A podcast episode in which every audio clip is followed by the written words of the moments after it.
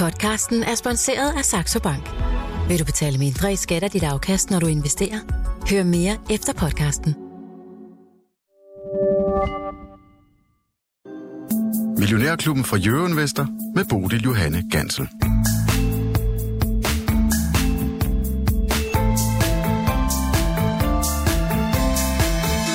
Aktiemarkedet kan også godt lide februar. Vi kom i hvert fald flot fra start her på en uh, ny måned. Så langt, så godt. Velkommen til 55 minutters finansdebat her i Millionærklubben på en torsdag, hvor vi skal samle op på udmeldingen fra den amerikanske centralbank. Vi skal omkring uh, et par af de regnskaber, der er landet her til morgen. Danske Bank, DSV og Nordea. Og så skal vi selvfølgelig også samle op på investorernes aktiehumør generelt set. Det hele har jeg samlet et uh, knivskarpt panel til at gøre mig klogere på. Lars Svendsen, godmorgen og velkommen til dig. Ja, uh, vi skal lige have noget lyd på Lars Svendsen, Nå. det er det. Ah, men godt, du var der, ja, så kan jeg også ja, høre dig. Ja, ja. Michelle Nørgaard, også velkommen til dig. Fast øh, deltager her i Millionærklubben øh, og øh, seniorstrateg i Jyske Bank. Og så også øh, økonomisk redaktør fra Berlingske, Ulrik Bie. Velkommen til dig. Godmorgen. Og øh, Ulrik, inden vi lige kaster os over, jeg kan bare lige hurtigt sige, at det er altså endnu en, en positiv dag ude på aktiemarkedet, men lad os lige blive ved den amerikanske centralbank. Der kom en udmelding i går, vi har gået og ventet på den. 25 basispoint satte de øh, renten op, øh, og så sagde de altså, at der kunne komme meget mere. Var det ikke fuldstændig som ventet?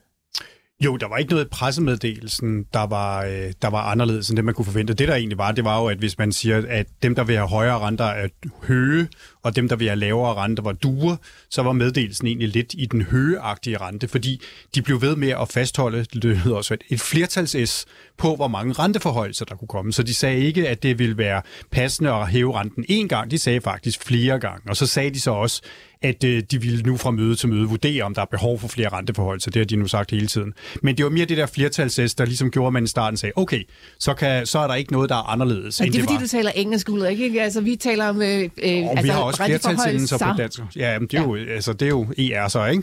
Øh, så vi har jo også et flertals R. Øh, og det, det var det, vi kiggede efter. Mm. Det, der så var, da vi fik pressemødet, det var, at der var tonen en del anderledes. Så det er jo det, der har været så pokkers besværligt det seneste år. Det er, at meddelelserne og pressemøderne nogle gange stikker lidt i hver sin retning. Det har især været ICB, der har været gode til det. Øh, men, men her fik vi et klassisk eksempel på, at det er det talte ord, der tæller. Mm. Og det, som han blandt andet var ude at sige, uh, Jerome Powell på pressemeddelelsen, det var, at det disinflationære, den disinflationære proces er begyndt, men det er for tidligt at erklære en egentlig sejr. Men altså, kan vi sådan fortrøstningsfuldt læne os tilbage, Ulrik, og sige, okay, de lykkes rent faktisk med det, som de skal lykkes med, altså at få Nej, det var også det, han sagde.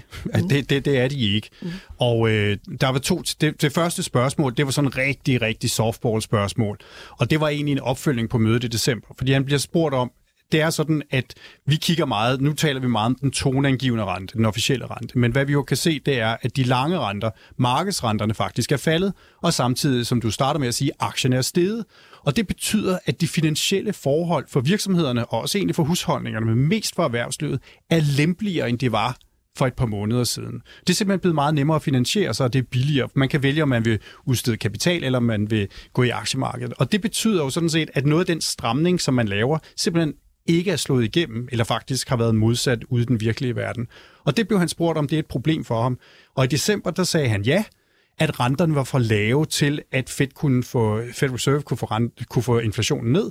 Og den her gang, der sagde han, det var egentlig ikke noget, de kiggede så meget på, og bla bla bla. Og det var egentlig der, bolden startede, og så kom der det her med inflationen bagefter. Okay, men altså inflationen, det er vel stadigvæk det, de styrer efter, Ulrik, på en eller anden måde. Og så er der arbejdsmarkedet, som han jo altså også så vidt jeg kunne forstå, nævnte rigtig mange gange. Jamen, Begyndte det er det, der er dilemmaet. Altså, stemningsbarometer for amerikansk økonomi er lige nu, de er faldet ret kraftigt, og de ligger nu faktisk lavere, end de gør i øvreområdet. Det har vi jo ikke set i, i ret lang tid. Mm.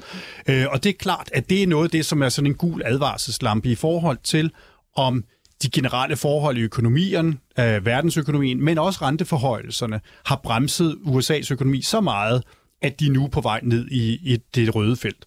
Øhm, så det er den ene del af det. Så er der det, der er problemet med inflationen. Det er jo en del af det energi. Det er det også i Europa. Og der er energipriserne faldet. Hak ved det. Så har vi også, at der er nogle varepriser, der begynder at falde. Altså, der har jo været kæmpe mangel på biler, for eksempel, på grund af mangel på mikrochip. Og derfor er brugtbilspriserne eksploderet fuldstændig. Det er det også herhjemme, men endnu mere i USA. Og de priser begynder at falde nu, fordi der kommer flere biler ud på markedet. Så det er også der, vi får noget fald i varepriserne. Og det er de to ting, der falder. Problemet er, at priserne på, det kan man kalde, de løntunge servicekomponenter, det, som virkelig bliver påvirket af arbejdsmarkedet, der bliver priserne ved med at stige. Mm. Og det er det, der er dilemmaet. Hvis man lige pludselig siger, nu er vi færdige, vi kan begynde at sætte renten ned igen, fordi vi har vundet, øh, så risikerer man, at den her serviceinflation igen vil trække den samlede inflation opad. Mm. Men flere renteforhold, så ligger der altså i kortene, hvis man lytter til Jerome Powell og tager hans ord for gode varer øh, i 20, 2023. Og så er der sådan på en eller anden måde et øh, psykologisk punkt, så vidt jeg forstår, på 5% amerikansk rente. Altså om vi kommer over, eller om vi får lov til at blive liggende øh, under det, Ulrik. Hvad tænker du? Skal vi ja, ja, jeg tror, vi skal op på 5% og så tror jeg, det, de, det du kan gøre, du kan vælge to ting. Du kan vælge det, som jeg kalder sådan Mont Blanc-løsningen, ikke? at du går meget voldsomt højt op, og så hurtigt kommer ned igen på den anden side. Eller du kan vælge sådan mere de norske bjerge, der er lidt mere runde i det, at du går op på et lidt, lidt lavere niveau, topniveau, men til gengæld holder du den i længere tid. Og de ting, som Paul sagde i går, hvor han siger det her higher for longer, altså den bliver, vil ligge på et forhøjet niveau i længere tid, det indikerer mere sådan nogle norske bjerge end, øh, end nogle spidse alber. Mm. Og så skal man ikke så højt op.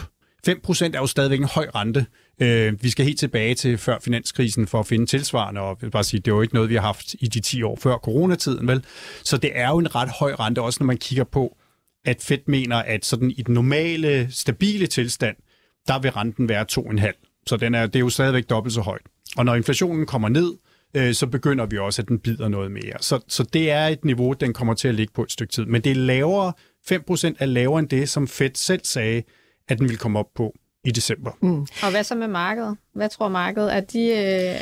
Jamen, de tror, det er en Mont Blanc, det her. Ikke? Altså, vi skal fuldstændig hurtigt øh, ned i, i ingenting igen, øh, og i øvrigt uden, at økonomien flækker. Øh, så der er, det, der er problemet, det er, at arbejdsmarkedet bliver ved med at overraske. Og vi fik også i går tal ud for øh, ledige stillinger, som nu er tilbage over 11 millioner. Der er næsten to, to ledige stillinger for hver ledig amerikaner. Og det er klart, så bliver vi ved med at få høj beskæftigelsesvækst, og så bliver vi ved med at få relativt høj lønvækst. Mm. Vi får en non-farm payrolls på fredag, øh, altså den her udmelding om, øh, hvor mange nye job, der er skabt uden for, for landbruget. Ulrik, altså i sådan en uge her, hvor der er centralbankmøder, sådan lige op til, er det så specielt vigtigt at kigge på det tal? Ja, payroll, altså non-farm, bliver bare enormt vigtigt, fordi vi netop frem mod mødet, som ligger i næste møde for Fed, ligger i slutningen af marts, at det er der, de kommer med nye prognoser.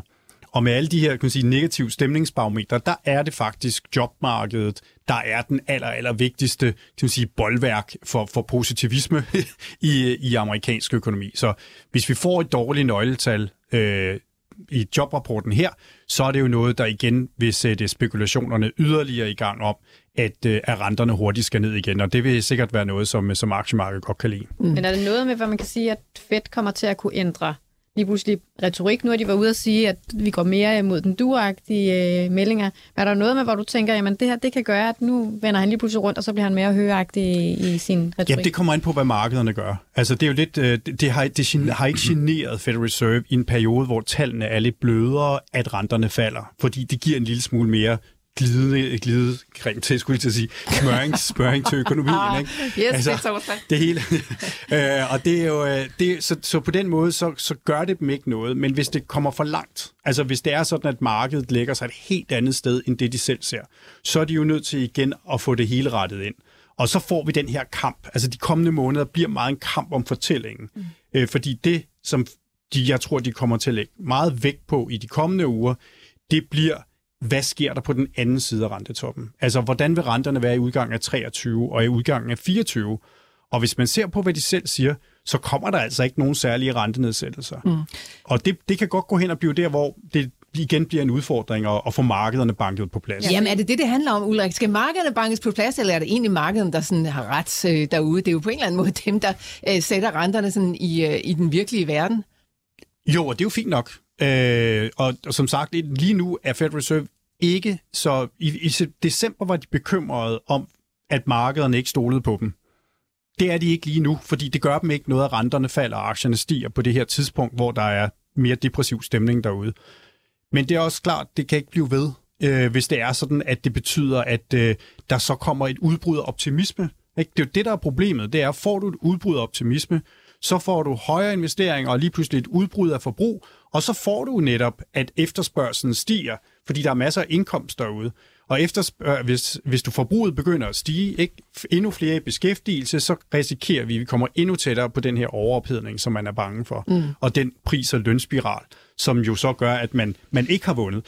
Så det er hele tiden en balance, hvor det er fint, at man er en lille smule optimistisk, man må bare ikke blive for optimistisk. Vi drømmer med et guldlok-scenarie, hvor gryden ikke er for varm og ikke for kold. Lars Svendsen, ja, ja, du har stået ja, der været så ja. helt utroligt stille, ja. og jeg tænker, vi skal lige have dig på banen i forhold til, du tror jo stadigvæk på, at øh, der er en obligationsboble, som ja, ja, ja, ja. kommer der, til at springe lige pludselig. Det er der, balladen er. Ja. Ja, ja, ja. Prøv lige at udfolde øh, den pointe. Nå, men pointen er jo, at obligationsrenten er jo, det er jo et marked, der nærmest har været sat ud af kraft siden finanskrisen i, i 2008, ikke? Og, og vi har jo urealistisk lave renter, det betyder at vi har en meget kraftig negativ realrente. Der er bare ikke nogen, der ved, altså mere end gratis penge. Ikke? Der er bare ikke nogen, der ved, hvad inflationen er, fordi øh, ja, vi ved, den er i øjeblikket ligger et eller andet sted mellem 5 og 6 procent. Ikke? Øh, formentlig. Øh, men, men, øh, men der er ikke nogen, der ved på lidt længere sigt, men, og det gør jo, at vi alle sammen råder rundt. Men, øh, men, øh, men renterne, hvis du køber en, en amerikansk obligation, der er 10 år, kan du få 3,4 procent i rente, ikke? og der er 5 procent inflation. Hvis det bliver normen, men jeg tror, det bliver mellem 4 og 5 procent. Jeg tror ikke på, at vi kommer tilbage til 2. Og på et tidspunkt, når det går op for folk, og i øvrigt, at den kamp, der er for at bakke den ned, den vil vare hele det her år, og måske og videre ind, hvis man siger, det lykkes. Ikke? Vi tager den hårde løsning, vi skal ned på to jamen så skal Fed og ECB kæmpe en kamp gennem hele 23 og videre i 24. Men pointen er, at på et tidspunkt, når folk ude i markedet finder ud af det der, så vil de jo løbe skrigende bort og sælge statsobligationer øh, og sige, ved du hvad, væk med det snot, det er jo det rene vanvid. Vi vil slet ikke have sådan noget, vi får jo kæmpe kurstab. Og det er jo også øh, så Japan sin eget system. Der er de også begyndt på den der nu, ikke? Så nej, jeg, jeg er mere, øh, det skal man passe på. Men jeg skulle spørge uh, Bie, for han på Amerika. Er der også i USA en stor øh, øh, akkumuleret indlånsmasse, altså pengemængde, som, som ligger og venter på, kan blive brugt? Eller er, Husholdningernes indlån ja. er altså, som de har adgang til, ja. så ikke noget, der er låst fast i sådan nogle øh, længere indskud. Det er fem gange så høje, seks gange så høje, som de var før coronatiden. Der ligger enorme konstant, ja, ja, ja. kontante ja, ja. opsparinger ja, ja. stadigvæk. Og de øvrigt igen, ligesom herhjemme, steget kraftigt sidste år, hvor vi talte om, ja. at købekraften var under pres. Ja. Og det siger også noget om, at der er mange husholdninger i USA, der ikke har oplevet krise på samme måde, som ja. især den fattigere del af befolkningen ja, har. Ja, ja. Men Ulrik, øh, inflation ned på 2%, som Lars Svendsen altså stiller spørgsmålstegn til, om vi nogensinde øh, kommer derned igen, i hvert fald sådan inden for overskuelig overrække. Hvad tænker du om det? Er det, er det helt urealistisk? Altså, jeg, jeg har jo sådan... Det, det, hvad var det normale før coronatiden? Mm. Og, og der, der er jo forskel, forskel på Europa og USA, men især i Europa, der mente jeg, det naturlige var faktisk et prisfald fordi vi var i en fase, hvor vi i Europa opbyggede konkurrenceevne, mere konkurrence på tværs af grænserne. Ikke? Detailhandlen blev lige, øh, altså man fik presset priserne i detailhandlen ned, fordi vi fik de grænseløse handel. Øh, rigelig arbejdskraft øh, gjorde også, at lønstigninger ikke var så høje, og så importerede vi øh, faldende priser fra, fra Kina. Og nogle af de ting falder jo bort på den anden side, så det naturlige niveau for inflationen i, i øvrigt kan sagtens være 2% i stedet for 0 lidt højere måske i USA, fordi de har boligkomponenten inde i deres forbrugerpriser. Det er også derfor, at, at Fed heller vil kigge på noget andet. Men, øh, men det, så jeg tror, at det der 2%, det tror jeg faktisk, det, her, det er jeg rimelig komfortabel ved, at der kan man godt komme ned af. Men problemet er servicesektoren. Altså problemet er, når du ligger og har lønstigninger på, på 5%, så er det simpelthen ikke forenligt med en inflation på 2%. Mm. Vi skal også øh, lige varme op til ECB-mødet. Der kommer også øh, udmelding fra Bank of England lidt senere i dag. Ulrik, øh, øh, lad os bare kaste os over det, inden at øh, du skal nemlig gå. Så lad os lige prøve at finde ud af, hvad vi forventer, at der kommer til at ske fra de to øh, centralbanker. Det er selvfølgelig ECB, der er den vigtigste, så lad os starte der. Jamen, jeg regner med, at de sætter renten op med en halv, mm. øh, og egentlig holder fast i den retorik, de havde i december. ECB har været øh, udmeldingerne fra, fra medlemmer af ECB har været sådan rimelig konsistent øh, de seneste uger. De er ikke altid lige gode til at koordinere budskaberne, men, øh, men det har de sådan set været. Og det er, at de stadigvæk mener, at renterne er for lave til at nå det, de gerne vil. Mm. Og ECB's store problem er, at hvor man i USA sådan med lidt mere fasthed i stemmen kan sige, at der er nogle ting, der peger nedad på priserne, så er det jo i høj grad i Europa øh, energipriserne, og det er jo også det, der gør, at vi har fået et løft i optimismen. Det er jo sådan set, vi kan også bare se det herhjemme. Altså de der horrible kontoregninger, folk fik i august, nu får, folk, nu får de pengene tilbage. Ikke? Vi er over 80 procent fald i, øh, i naturgaspriserne. Vi er nogenlunde det samme på strømpriserne i forhold til toppen i efteråret, og i øvrigt falder kulkrigpriserne kraftigt, fordi vi har fyldt vores lager, så det giver os også luft, når vi kommer længere ind på, på den konto. Så energi fylder rigtig meget i det europæiske inflation. Problemet er det, som ECB kigger på, hvor man fjerner inflation og fødevarer, altså hvor man går ned og kigger på det, der er det underliggende inflationspres, det som ECB egentlig bedre kan påvirke der fortsætter priserne ufortrødent opad. Mm-hmm. Og den inflation er på det højeste niveau nogensinde. Og det er derfor, at de uh, kommer til at være mere faste i mailet end Federal Reserve. Også fordi der er den her bedring i økonomien, hvor amerikanerne egentlig har, har stemningspilen nedad. Men alle forventer altså 50 basispunkter, og de har jo altså også været op og sætte renten op med 75 på et tidspunkt, men, men er så gået lidt ned igen. Skulle de ikke bare blive det op på den, øh, på den høje navle? Ej, 50 er også er dobbelt så meget, som man plejer. Ikke? Og, øh, og det der, altså ECB har jo et andet problem, og det er jo, at øh, på den, på den ene side, så er europæisk økonomi ikke så rentefølsom, fordi der er meget mindre gæld i, øh, i husholdningerne og i, øh, og i virksomhederne. Problemet er så også, at vi har et Italien, hvor, hvor renter fylder rigtig meget, også i den politiske debat. Ikke? Og nu var jeg lige at kigge, altså Italien kunne i august 2021 låne penge i fem år til negativ rente. Ja. Nu hedder den rente 3,6 procent. Mm. Og det vil sige, det er jo ikke bare et spørgsmål om den, den lange rente, det er jo faktisk alle renterne, altså der, der er højere end de er. Ligegyldigt hvor, de, de kan ikke gemme sig nogen steder. Og det betyder jo også et kæmpe, kæmpe pres på de offentlige finanser i Italien. De har faktisk gjort det rigtig godt i år. Det taler vi aldrig om. Øh, deres underskud er tilbage på 2019-niveau, øh, hvilket er meget bedre end Tyskland og, og Frankrig. Men det betyder jo så også, at de måtte skære andre steder, og der er kommet flere penge ind i skatteindtægter fra den høje inflation. Men, men Italien, jeg synes ikke, det her er sjovt. Nej. Og det er, det er de ikke bange for at sige højt. Hvor højt skal vi op på den europæiske rente, tror du, når de øh, beslutter sig for, at nu er vi færdige? Jeg tror, at indlånsrenten, øh, den som vi som lige nu er den toneangivende rente, som er på to, øh, tror jeg, jeg skal op i, øh, i 3,5 mm. øh, før vi er færdige. Jeg tror, vi skal betydeligt højere op, end, øh, end markedet tror på nuværende tidspunkt. Mm. Og det kan godt være, at de har det svært øh, stadigvæk i Italien, men et andet sted, man også har det svært, det er altså i Storbritannien. Ulrik, der kommer også en udmelding fra Bank of England øh, her lidt senere. Andrew Bailey kommer på talerstolen, øh, jeg tror det er kl. 13. Hvad kommer der til at ske der? Jamen, der kommer også en renteforhold, så det må man bare sige, at øh, det er jo bare at slå på nogen, der ligger ned. Øh, fordi det er, det er, altså, Storbritannien er i recession, som det er. Øhm, og deres store problem er, at det der, det der vi nu ser, det er det, som jeg vil kalde Liz Truss øh, renteforhøjelserne. Øh, de 44 dage og øh, vel det største økonomiske katastrofe i nyere britisk historie, øh, var hun premierminister, ikke? Men når Bank of England er nødt til at blive ved med at sætte renten op, så skyldes det i høj grad hensyn til pundet. Øh, inflationen er selvfølgelig højere i Storbritannien eller andre steder, ikke? Alt er værre. Når vi har udfordringer, så er de kriser. Øhm, men hvis Bank of England ikke følger med op, så flækker pundet.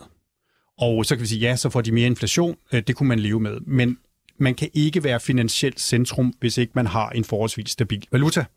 Og det er jo det, der er Storbritanniens store problem. Det er det eneste lyspunkt, der egentlig er tilbage. Det, det er City of London.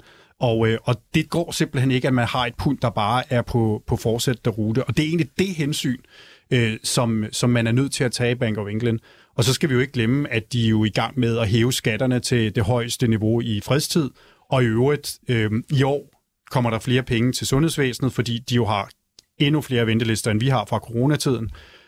Men så går det den anden vej. Altså, regeringen har fremlagt et program med dramatiske nedskæringer. Ikke? Og det vil sige højere skatter, store nedskæringer i, øh, i forvejen ikke, ikke et særligt veludbygget velfærdssystem, øh, og højere renter, så de bliver ramt på, på købekraft, og de bliver ramt på deres øh, formuer, fordi boligen er den vigtigste formue for den almindelige britte, og vi begynder jo siden september, at priserne begyndt at falde, selvom der er strukturelt mangel på boliger i USA. Mm. Undskyld, i Storbritannien. Så, så det, er, det er bare trist, og øh, det bliver ikke bedre i øh, det bliver ikke bedre i år. Hvis man vil vide, hvor dårlig øh, verden kan udvikle, skal man kigge på England. Det er Europas ja. syge mand, og det er langt af vejen, ja, det er, det jo også Brexit. Altså, ja. der er oversat til det. Men, men hvis I vil se, hvor galt det kan gå, så kig derover. Ja, og det hvis ikke man investerer i sin arbejdsstyrke og i sin infrastruktur, og, og det hele taget bare lade lad samfundet forfalde. Ikke? Mm. Altså, det er jo det, der, hvad, som siger, hver eneste gang, vi har haft en krise i Europa de sidste tre år, ja. så har Storbritannien haft noget, som, som er orkan. Ikke? Ja, øh, ja egentlig ret uh, tragisk. Det er tragisk. Nå, øh, Nå, I men det er jo selv øh, valgt det. Det er jo såkaldt demokrati. Ja, præcis, Lav. Sådan. Ja, Øhm, det er derfor, det går galt. Nok om centralbanker, Ulrik. Du skal videre. Du skal ud og skrive alt muligt andet. Lige til sidst, den danske nationalbank, øh, der kommer vel også en udmelding senere på dagen. Øh, Det er vel første gang, at vi for alvor skal høre Christian Kettel Thom- Thomsen på Og vi på scenen. hører ham jo ikke. Øh, De holder jo ikke pressemøde. Nej, men, okay. øh, men det er det første møde, hvor, hvor han sidder for bordenden.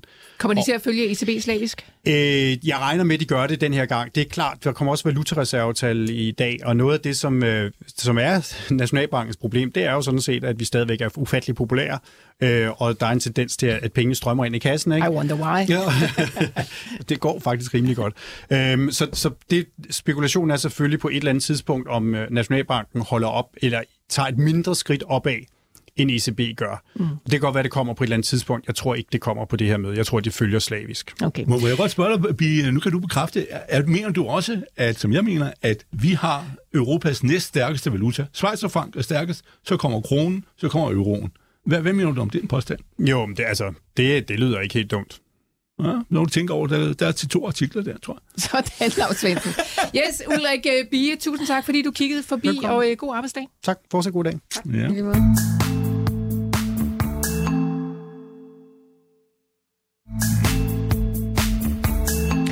Og så fra de helt høje navler over på centralbankerne ned til aktiemarkedet, det er det, det handler om Jeg her har for os. lige øh, øh... tænkt over noget, fordi du taler jo om, at de er dagvis. Og det er jo nok fordi, at hvis man er dagvis i USA, så er det fordi, man er mere interesseret i dagindekset, end man er i, i renterne. Ja, det kan være det. Ja. det. Nå, ved hvad, vi skal kigge på øh, dagens aktiemarked. Ja. Øhm, hvordan står det til derude? Hvem vil øh, lægge for på den, Svendsen? Ja, det kan jeg da også godt gøre, men, men øh, altså, jamen, vi har jo det her regnskabs, øh, det regnskabsdag nu, ikke, for alvor, ikke? Og, og så er vi op med 0,8 procent, og øh, der er jo kommet regnskaber fra en to-tre stykker. Og øh, jeg vil sige, det vigtigste er jo nok i virkeligheden DSV, øh, transportkoncernen, og han stiger faktisk, selvom øh, hans guidance er noget øh, svag på, på, på det kommende år, hvor han jo sådan set, det han jo så reelt set siger, at jeg har umiddelbart forstået, er jo, at fordi øh, transportpriserne er, er faldet især på skib, så kommer han også til at tjene mindre. Og det øh, og i øvrigt så volumen, altså antallet af forsendelser, øh, container, der skal sendes afsted og så videre, luftfragt, også gå ned. Så, så men, men øh, aktien klarer sig ikke desto mindre igennem, og så har vi jo så øh, Op Nordea. 3,5 procent. Ja, ja, og det er jo faktisk godt øh, klaret på den der. De betaler jo ikke så meget. De har jo sådan en mærkelig struktur, fordi det er der jo ikke rigtig nogen. DSB er jo sådan en begejstringsaktie, ikke? Der er jo, den er jo gået sådan her, ikke? Og så er der, så Og når får du siger hug. sådan her, så er det sådan en opadgående Ja, bevægelse, ja, du ja, viser ja, til dem, der ikke lige øh, kan se med her. Ligesom Adolfs mammen, ikke? Men, øh, men hvad hedder det, at, øh, at, øh, at, at, øh, så får de et hug en gang imellem, når der er en krise og alt det, og så øh, kommer de hurtigt igen. Men han betaler jo meget, meget lavt udbytte.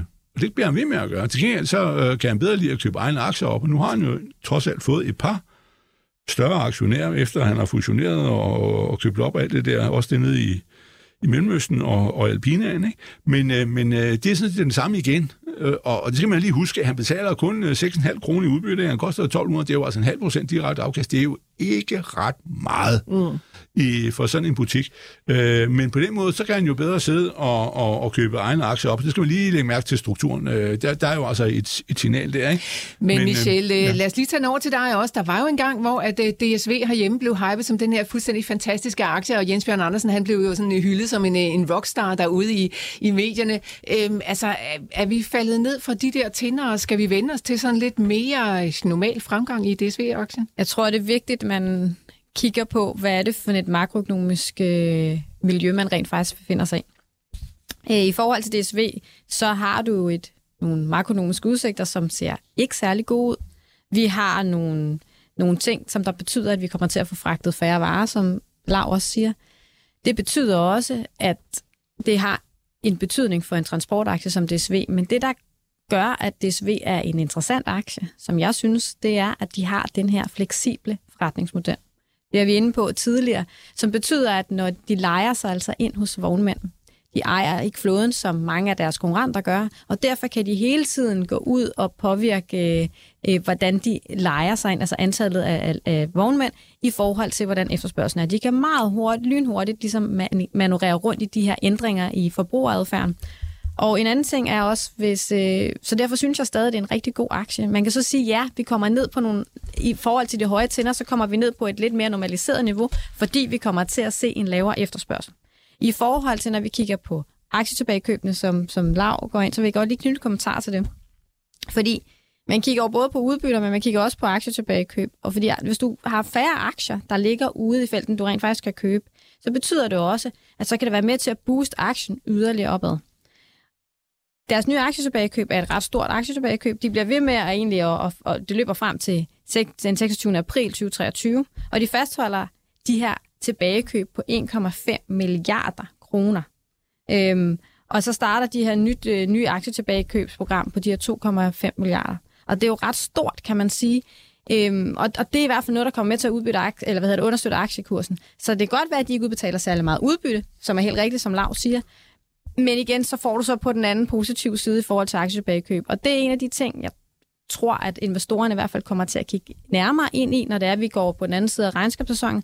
Hvor er de her udbytteaktier, hvor kan man rent faktisk få en sikker havn, når det er, at vi kommer til at kigge ind i udsigterne med økonomisk afmatning. Det kan godt være, at 2,5 milliarder lyder meget, men det er altså 1 procent af børsværdien.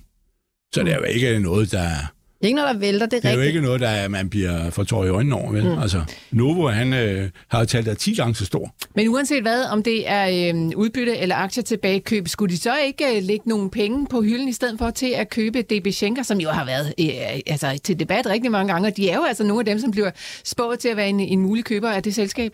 Jamen, jeg tror, at de har, altså når du kigger på, hvordan deres øh, balance er, så har de stadig økonomisk råderum til at kunne gå ud og være en potentiel køber af DB Schenker.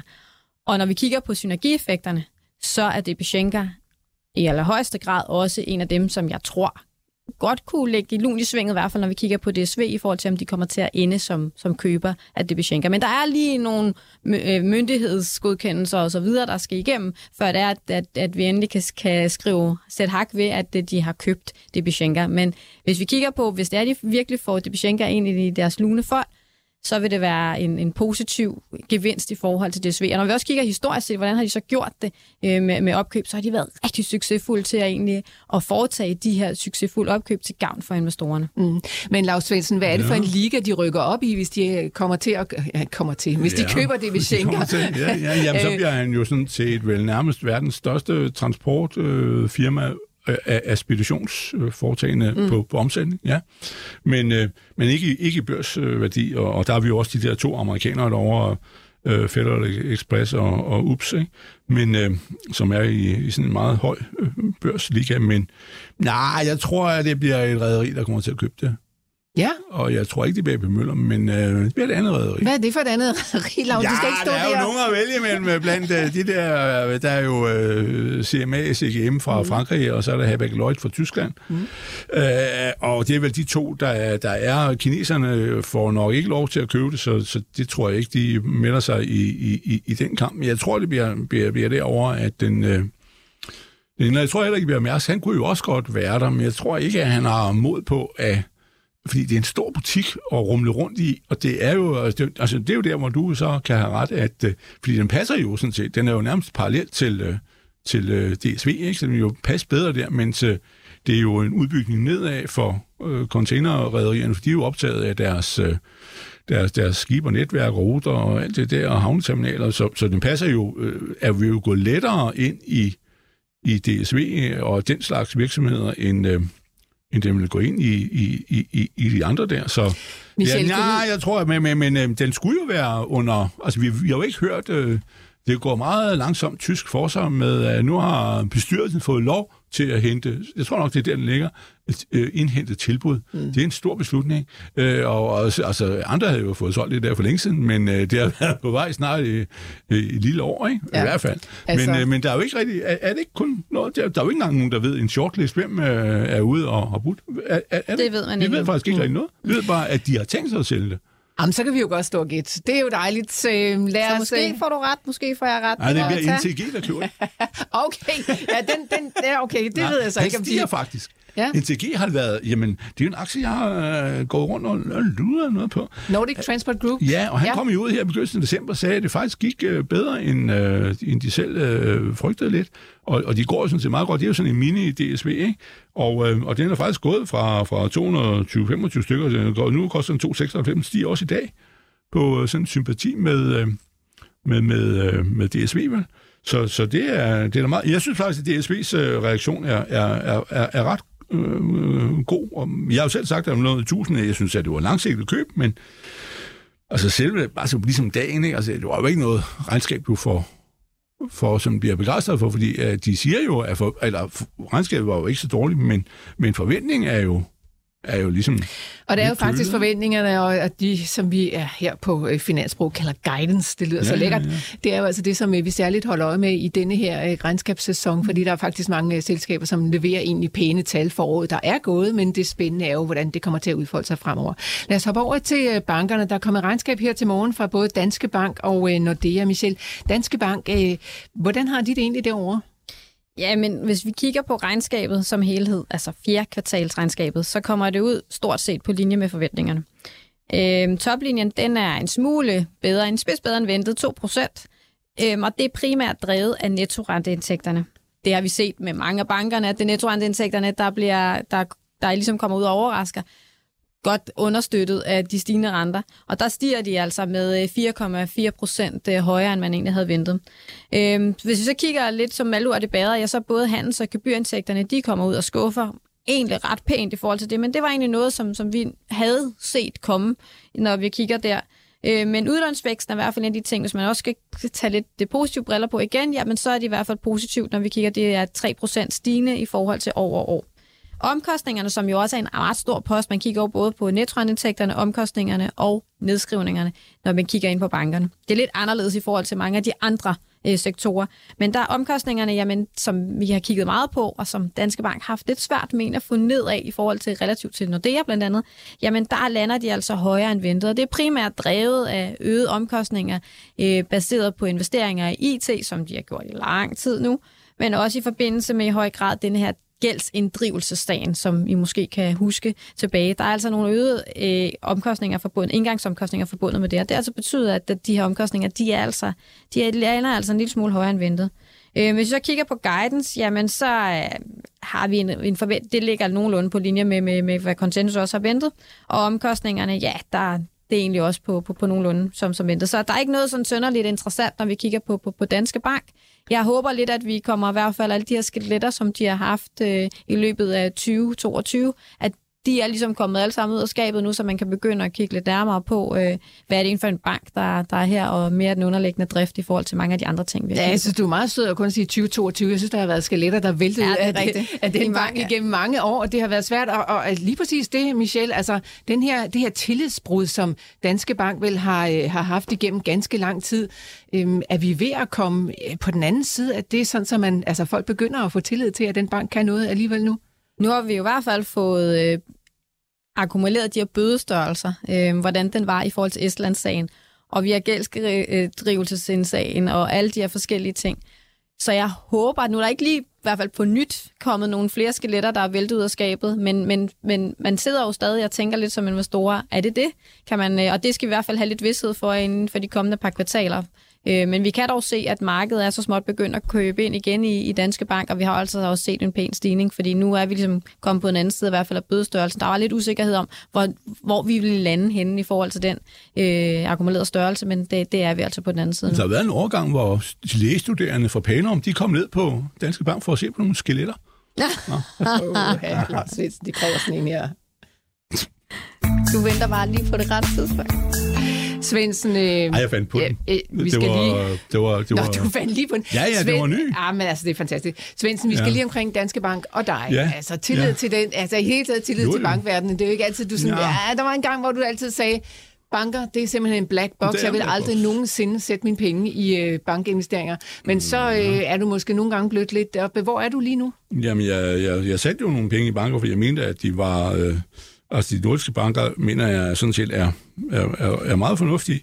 Og at øh, de var jo en periode meget langt nede, øh, og, og det var de to... Øh, ja, jeg havde tre, ikke? Men altså, jeg havde jo Fynske Bank, den der øh, var Sparkassen Svendborg engang, som jeg så øh, solgte inden øh, det viste sig, at det var Sydbank, der nåede at købe den. Det var de narrede os lige en gang.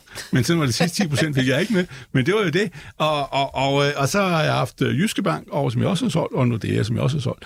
Men det er mere for, at jeg, jeg har solgt med hensyn til af, af, af risikoen. Fordi jeg, altså, hvis du tror, at at obligationsmarkedet er, er rådent, og øh, dermed boligpriserne er, er, kan være eksploderet og bløde, så øh, er det jo ikke så sjovt at have, øh, have, have banker, fordi du kan sige, hvis du tager Nordea i dag, han har jo praktiseret ingen kredittab. Det var det 47, 49 millioner euro, altså det er 380 millioner kroner, øh, og han har et volumen på, på 350 milliarder kroner i kredit. Altså det er jo, øh, det er jo en promille. Det er jo ingen, ingen, ingen, ingenting. Det tal skulle jo nok være øh, to, øh, et eller andet med 25 basispunkter, altså 0,25 procent eller sådan noget. Det er jo ingenting. Han har Danske Bank, som jo øh, sådan set skulle gå meget godt. Han har øh, taget 15,68 i tab.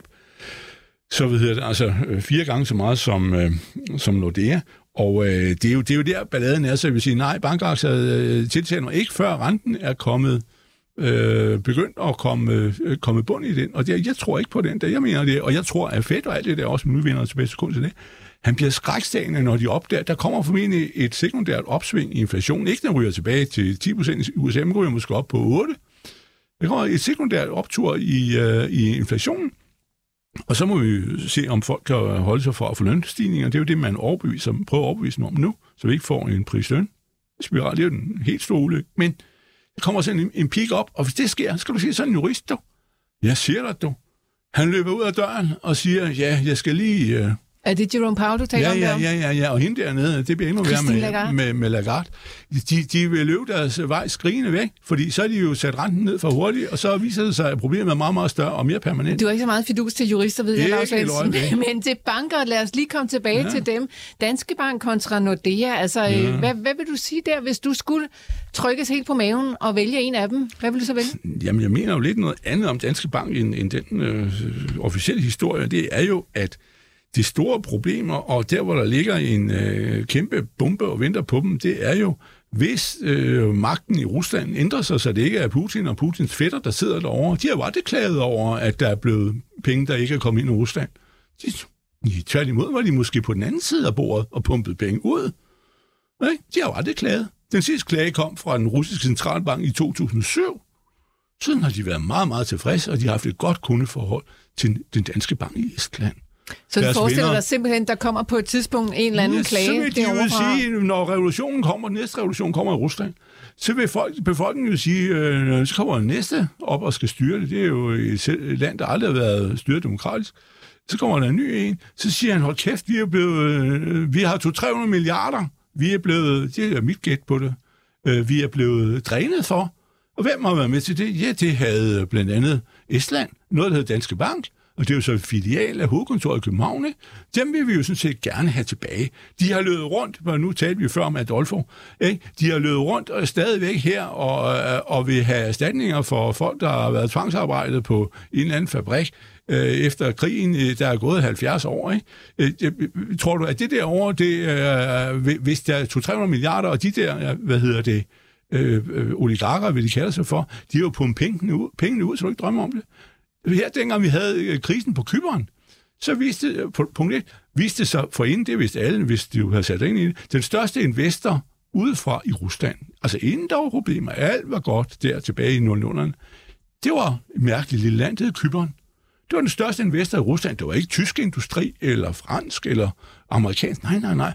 Det var Kyberen. Hvorfor var det det? Det var fordi, at det var et sted, sandsynligvis, hvor øh, man parkerede penge. Så da Kyberen gik ned og hjem, i for bankerne i forbindelse med øh, en udløber af Grækenlandskrisen, så skulle EU redde det hele. Så lige pludselig opdager ECB, der skulle pumpe penge ind i det, der siger, nej, det er jo ikke en russerpenge alle sammen, der står der. Vi vil ikke dække, øh, og derfor lavede man om på det, og derfor har vi fået nye regler i EU omkring redning, fordi det var russerpenge, der stod der. Så en uh, potentiel fare, i hvert fald, ja. hvis man lytter til dig uh, over i Danske Bank. Det har jeg ikke lyst til at overtage. Nej, nej, okay. Michelle Nørgaard, hvad synes du om uh, den her udlægning, at der altså kan være en fare derude for, at der lige pludselig kommer et søgsmål fra, uh, fra Ruslands officielle side, hvis de på et tidspunkt får et andet styre? Ja, Lige den, nu, den der- er lidt langt ude. Jeg vil sige, lige nu, der, det, det er i hvert fald Det er en rigtig en revolution. Det er i hvert fald en, et spøgelse, der måske kan være der, men jeg tror også, man skal passe på med, om man, man, man ser spøgelser alle vejen. Altså, vi ved jo, at der, der kan være skeletter i alle mulige forskellige skab, men så kan man, tror jeg, gå ud og gisne rigtig meget for mange forskellige selskaber. Mm. Hvis vi holder os til, til fakta, som jeg er lidt mere fortaler for måske i forhold til det her. Nu ved jeg godt, du bliver lidt sur, Lav. Ja. Men, øh, og det er fair nok, men øh, så synes jeg også, også lidt svar på, på dit spørgsmål rent faktisk i forhold til, om vi synes, Danske Bank og Nordea er, er hvilken en, man skal vælge. Jamen, så er det jo OK guidance, når vi kigger på Danske Bank, og, men omkostningerne driller fortsat. Jeg synes, Nordea har et kommet med et rigtig pænt regnskab her til morgen. Så hvis jeg skulle sætte mine penge på en af de her to aktier, som du selv siger, presses lidt på maven, ja, så vil jeg nok gøre det med, med Nordea. Mm. Og de har jo heller ikke helt de samme øh, skeletter, der er væltet ud af skabene, og det kan godt være, at de bare, fordi de ikke er væltet ud endnu, det ved vi jo sådan set ikke. Men altså, har de lidt mere styr på butikken derovre, Michelle? Hvis vi i hvert fald kigger på deres, øh, på deres regnskab, jamen så har vi jo nettoindtægter, ligesom Danske Bank, der er kommet bedre end ventet. Vi har en toplinje som helhed, der er kommet 8% bedre end ventet, og så har vi usædvanligt høje handelsindtægter. De er altså hele 53% højere end ventet, og det er jo faktisk lidt, hvis vi kiggede på øh, modsat, i forhold til, til Danske Bank, og meget mere positivt. Danske Bank kom jo ud, som jeg, hvis I kan huske det, tidligere sagde i udsendelsen, kom de ud og skuffet med 14 procent. De har så igen de her høje omkostninger drevet af investeringer, men det er både til IT, og så er det altså til den her hvidvask, som de også havde lidt, lidt, lidt øh, hvidvask, som jo er et, et, det nye sort i forhold til, når vi snakker banker i hvert fald. Øh, men Ja, generelt det er set... meget sort. Det er det. Hvidvask er sort. Men generelt set, så er det, øh, at- synes jeg, at, at når vi kigger over hele linjen i forhold til Nordea, så er det i hvert fald en bank, som jeg synes, der er ikke, der er ikke noget i hvert fald at sætte en finger på, på, på, på den side. Mm. Du kommer selv fra en bank, Michelle, øh, som, øh, som bankmedarbejder, hvis jeg må tillade mig at sige mm. det, og stå og analysere banker i sig selv. Er der noget sådan øh, problem med det? Det synes jeg ikke Mm. overhovedet. Jeg synes, øh, det er, man kan jo godt sige det en til en, og Jyske Bank, jamen, de kom jo også ud med et ret pænt regnskab. Nu er total. Øh, jeg skal nok lade være med at gå ned i detaljerne og klappe min egen bank på skulderen. Men generelt set på bankerne, ja, så har vi jo set, som alle nok havde ventet, at den her stigning i nettoindtægterne. Men som vi også hørte Ulrik sige, nu er vi ved at, det her renteslutspil, det er i gang. Øh, kommer vi til at se, at nu begynder vi at, at lette foden for bremsen, vi kommer til at stoppe fuldstændig i forhold til renterne, og det er nok det, der kan i hvert fald være med til at sikre, at bankerne ikke er lige så sexet, som vi så tilbage i 2022. Samtidig har vi også den her forventning om en økonomisk afmatning, som betyder, at, at der kommer til at gå en nedgang i både aktiemarkedet, formentlig en nedgang i boligmarkedet, kommer der til at komme flere konkurser. Vi har set det så småt flere steder rundt omkring.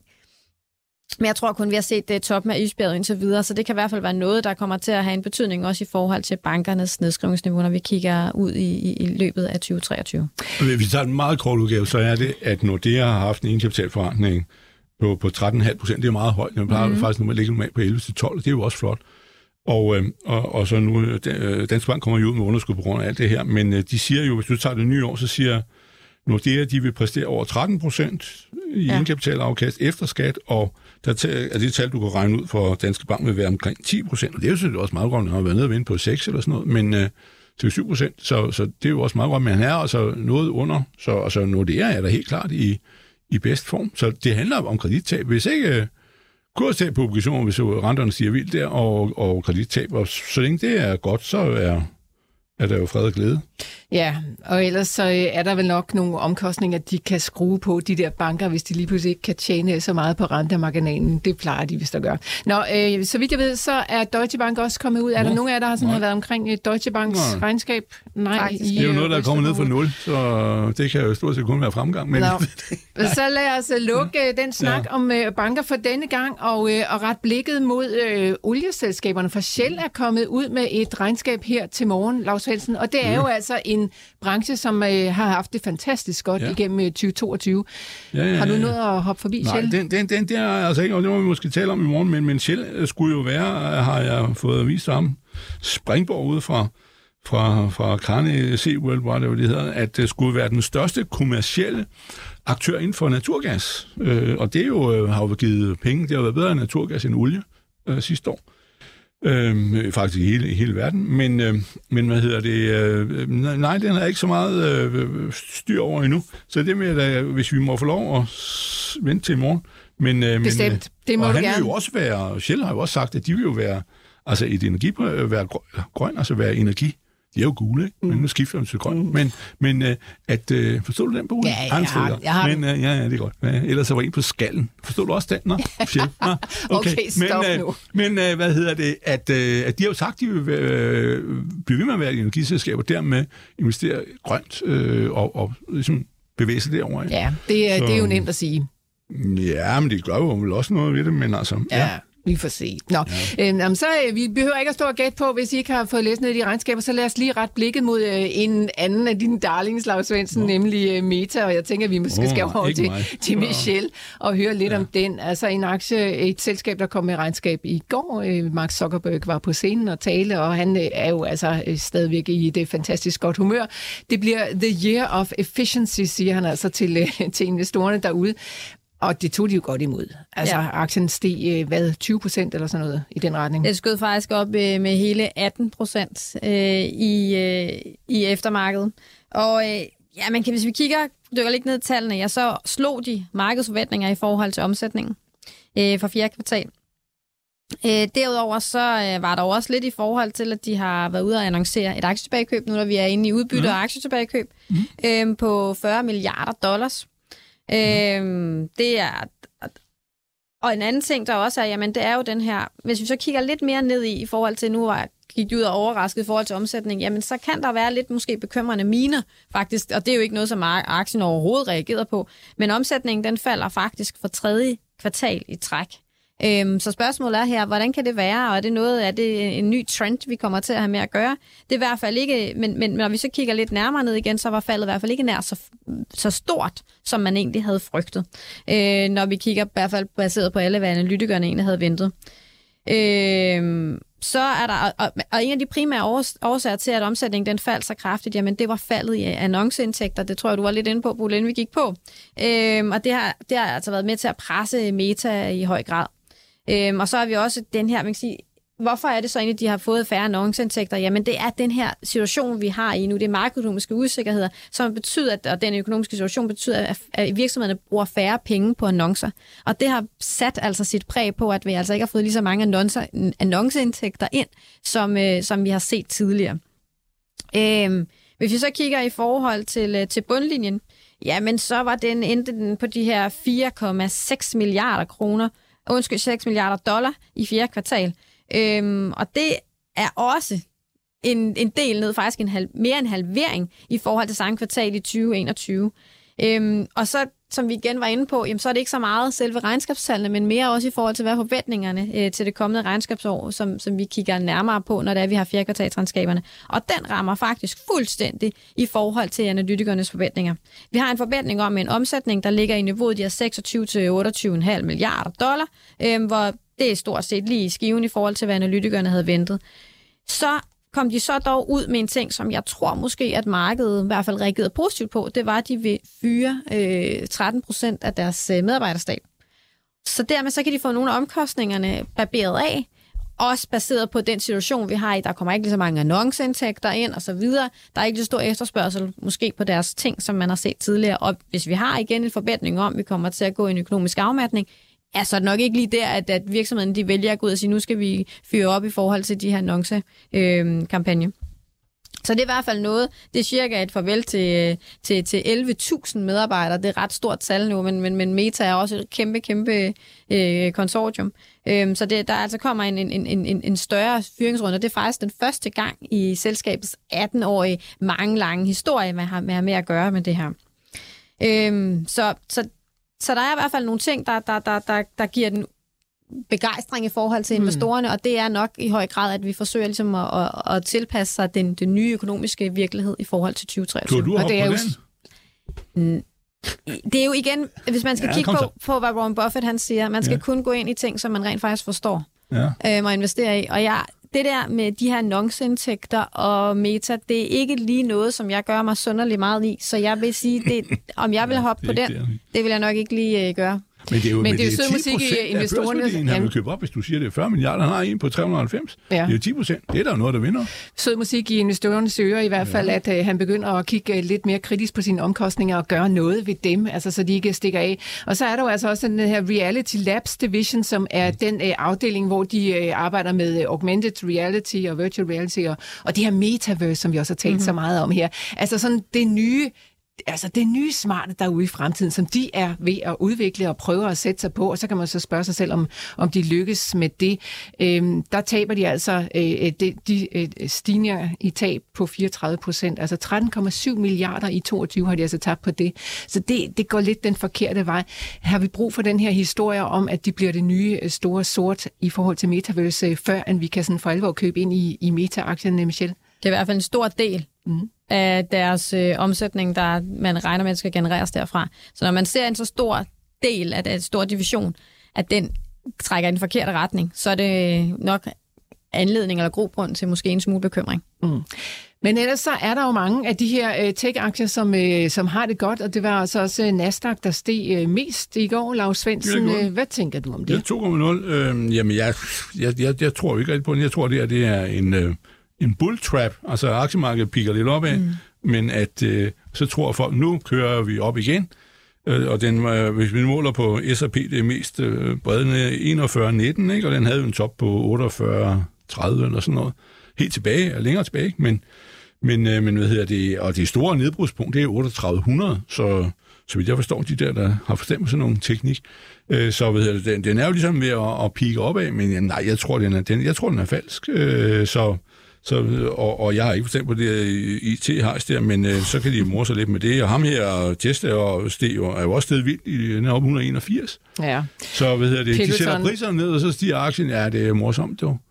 Ja. Um, Øh, Peloton steg også øh, temmelig meget i går. Ja, de der- vil ikke så gå der- for lidt, siger de. Nej, Det er da positivt. Han så direktør, der møder op og siger, at vi vil ikke gå for konkurs. Det er ja, så stiger aktien. Det er da 22 dejligt. procent op øh, i går, og det var altså blandt andet på grund af deres øh, abonnementsaftaler, som steg 22 procent, øh, selvom hardware-salget faldt over 50 procent. Ja, så er der altså mere, flere penge i at hente, hvis man kan få De folk til at... jo også af, at hvis du har sådan en, en cykel hjemme i kælderen, så bliver den aldrig stjålet, jo.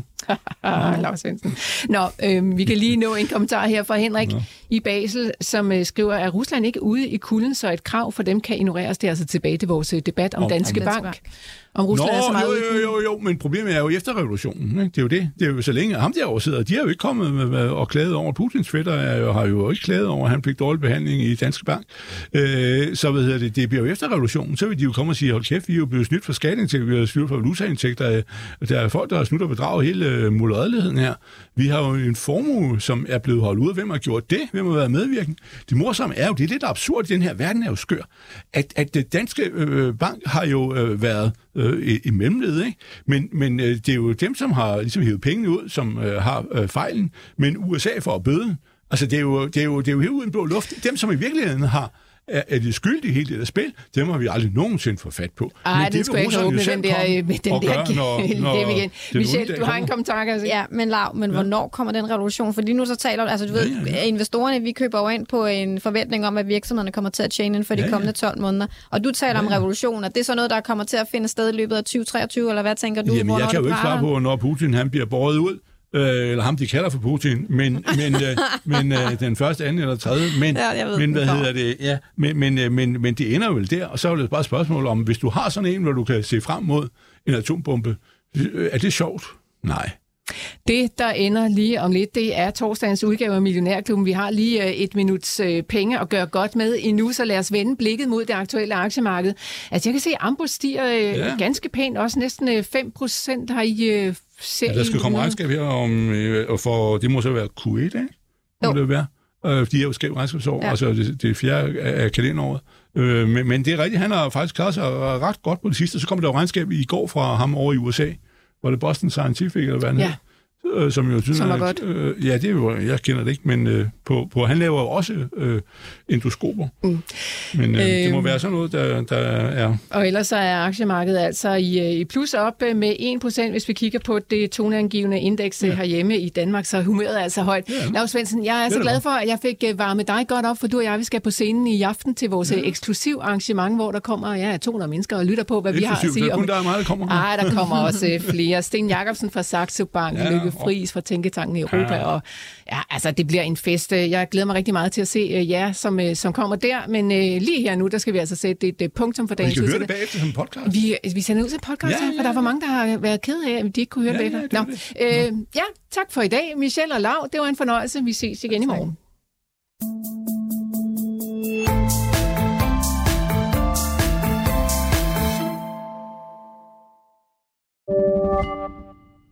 Millionærklubben var sponsoreret af Saxo Bank. Gør det godt i din virksomhed. Hos Saxo Bank kan du få dine overskydende midler til at vokse med en investeringskonto, hvor du også kan få op til 3,05% i positiv rente uden binding. Det er nemt og gratis at oprette en konto. Der er ingen konto og depotgebyr, og der er ingen binding, så du kan altid investere eller trække dine penge ud. Kom i gang allerede i dag på saxobank.dk.